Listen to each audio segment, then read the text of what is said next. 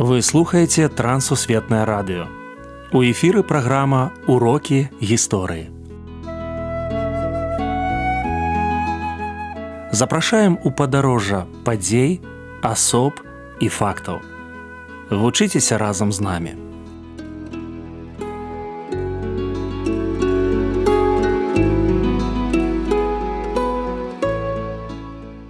Добры дзень сябры. Ля мікрафона сяржук брышцель і кандыдат гістарычных навук Андрусь унучак. Сёння ў нас ужо знаёмая рубрыка горад Беларусі. Мы пагаворым пра слуцк. Прывітанне Андрусь. Прывітанне сяржук, прывітанне шаноўныя слухачы. Хочацца даведацца больш пра слуцк. Давайте зробім невялікі агляд гісторыі горада ад старажытнасці да сучаснасці. Ну, сапраўды ён выйдзе невялікі таму што горад з багатай гісторыяй. Першая ўзгадка 1116 год. Ну больш за 900 год сёння налічвае гэты цудоўны горад на рацэ случ і ён мае надзвычай багатую гісторыю. Гэты горад княжацкі гэта прыватна-ўласніцкі горад. Усю эпоху вялікае княства літоўска ён належаў розным родам спачатку алелькавічам пасля радзівілам. Гэта горад дзе стварылася першая навучальная установа ў беларусі слуцкая гімназія гэта горад які вядомы сваімі слуцкімі паясамі. Это горад дзе нарадзіліся многія славутыя беларусы. І гэта горад які не скарыўся ў вайну сярэдзіны 17 стагоддзя. У наступныя эпохі слуцк быў горадам павятовым. Лічылася што менавіта случчына гэта самая такая урадлівая зямля беларусі там былі найлепшыя землі і слуцк быў самым беларускім горадам і адпаведна таксама самым пратэстанцкім горадам беларусі. У савецкі час ён быў ну такім самым мяцежным горадам тому что нават у 1967 годзе там спалілі суд нават раённы мясцовыя жыхары у адказ на несправядлівы судовы прысуд. Ну а сёння гэта горад у незалежнай рэспубліцы Беларусь это раённы цэнтр прыгожы цудоўны горад які славіцца сваімі традыцыямі. Напрыклад адноўлена фабрыка шаўковых вырабаў вось дзе слуцкія паясы рэканструююцца расскажыце пра двух вядомых жанчынаў анастасію і сафію слуцкіх цікавая гісторыя воз тымі жанчынамі сапраўды. Ось анастасія слуцкая гэта пачатак 16 стагоддзя а сафія слуцкая гэта канец 16 пачатак 17 стагоддзя Анастасія слуцкая гэта княгіня гэта кіраўніца слуцку гэта чалавек які перамог татараў і гэта чалавек дзякуючы якому слуцк захаваў сваю незалежнасць і асобны статус у вялікім княстве літоўскім тому што было ну слуцкае княства. Гэта як такі вось адміністрацыйна адзінка адмысловая. Сафія слуцкая трохі іншага плану чалавек.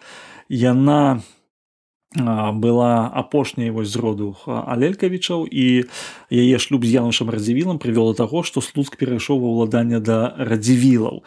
Яна была апякункай фактычна ўсіх хрысціянаў. Ну у асноўным яна апекавалася будучы сама найбольш верагодна каталіцкага вервызнання на апекавалася праваслаўнымі пратэстантамі. Вельмі моцна мела прыхільнасць да гэтых дзвюх канфесіяў якія на той момант ужо цярпелі пэўны такое уцісканне з боку дзяржаўных уладаў.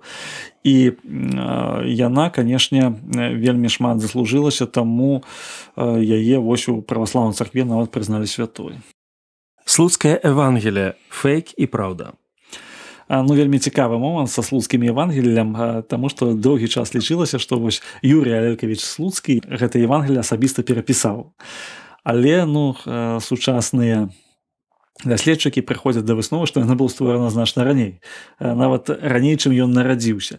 Это рукапісная евангелля вельмі унікальны помнік вось беларускай біблійнай культуры беларускай біблістыкі. І вельмі цікавы ягоны лёс доўгі час лічылася страчаным а выявілася што яна знаходіцца ў прыватнай калекцыі. Ўжо ў двадцатым стагоддзі з прыватнай калекцыі яно было перададзена арыгінал гэта евангелля беларускай праваслаўнай царкве. Таму тут канешне такі ну знакавы помнік.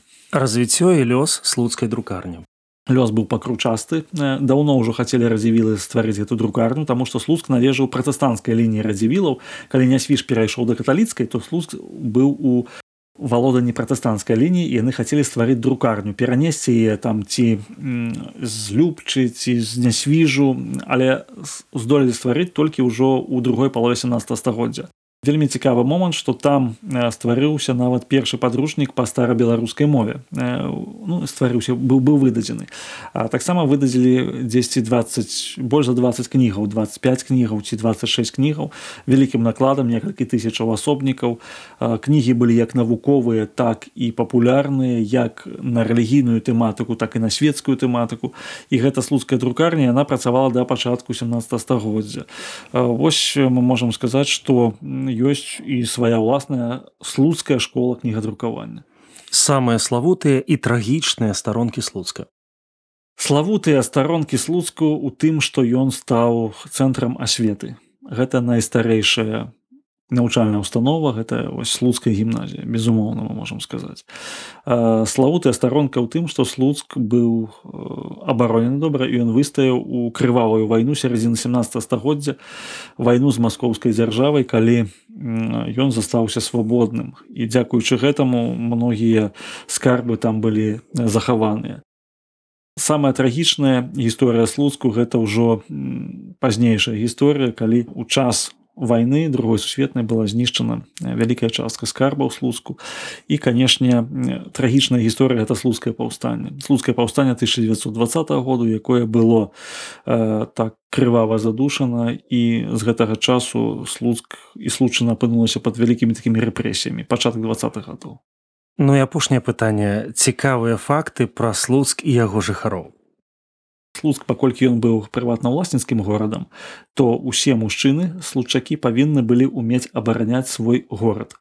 І кожны год праводзіліся такія стрэльбы што кожны мужчына павінен быў пацэліць у мішень гэтыя стрэльбы яны былі платныя канешне і таму кожны случак ён каб эканоміць гэтыя грошы ён павінен быў пацэліць тры разы вось у гэты мішень і такія вось спаборніцтвы праводзіліся.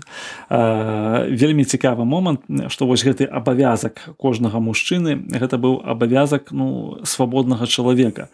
Таму у слуцку як у прыватна-власніцкім горадзе гэта было такім не проста традыцыяй а гэта стала адметнасцю дзе не было прафесійнага такого гарнізону аднак вось апалчэнне мясцовае здолела бараніць горад у многіх сітуацыях Прыгадваючы мінулае, мы быццам перадаем культурны код наступнаму пакаленню беларусаў.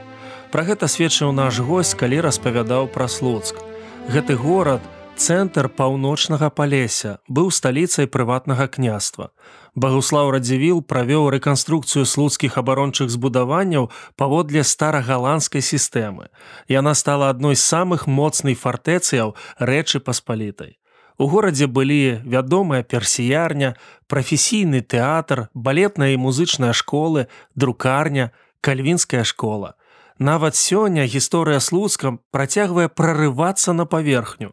Археолог Леонид Калядзінскі адносна нядаўна падчас раскопкаў знайшоў шмат артефактаў 11-13 стагоддзяў. Дамы жылога і гаспадарчага прызначэння, маставую, кузню, і ювелірную майстэрню.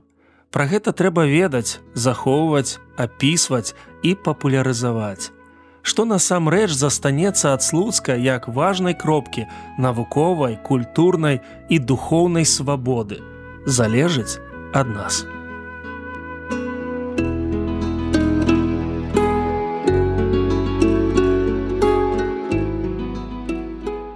Дзякую, што далучыліся да нашага праекту. Калі ў вас ёсць пытанні, пішыце калі ласка на адрас. Трансусветнае радыё, урокі гісторыі. Паштовая скрынка 45, індекс 22 40 20, горад Брест 20, Беларусь. Да новых сустрэч!